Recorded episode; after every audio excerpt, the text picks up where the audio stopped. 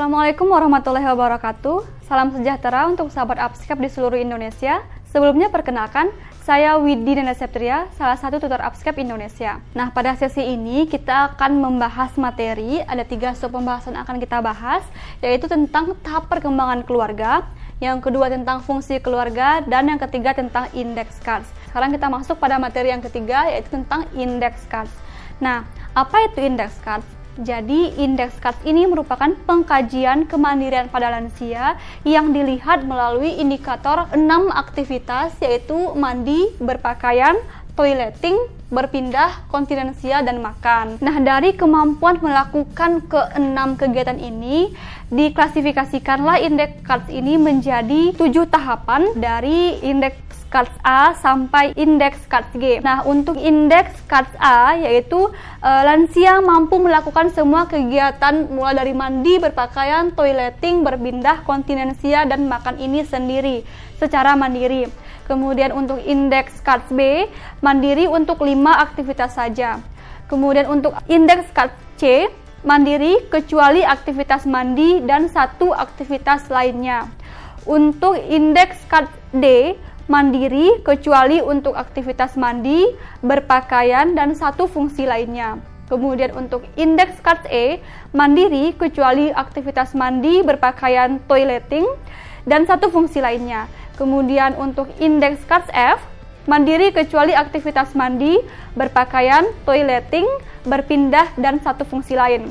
Kemudian untuk indeks cards G, lansia bergantung pada seluruh aktivitas ini. Nah, kemudian pasti muncul pertanyaan, bagaimana kita mengkategorikan kegiatan ini menjadi mandiri atau tidak? Untuk kegiatan mandi dikatakan mandiri adalah ketika bantuan pada kegiatan mandi ini hanya pada satu aktivitas saja.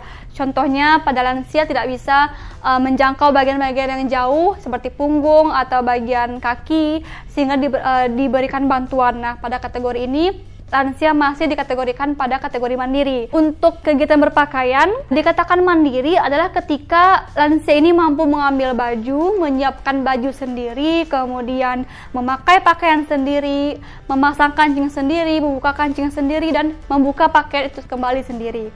Nah, seperti itu dikatakan lansia mandiri melakukan kegiatan berpakaian. Untuk kegiatan toileting, eh, kapan lansia dikatakan dapat mandiri melakukan aktivitas toileting? Itu adalah ketika lansia mampu masuk dan keluar kembali sendiri ke kamar mandi, kemudian mampu membuka dan memasang kembali pakaian untuk toileting, kemudian juga untuk melakukan kebersihan diri ketika melakukan aktivitas toileting. Nah, untuk aktivitas berpindah, lansia dikatakan mandiri adalah ketika lansia mampu mampu berpindah dari tempat tidur dan bangkit dari kursi seperti itu.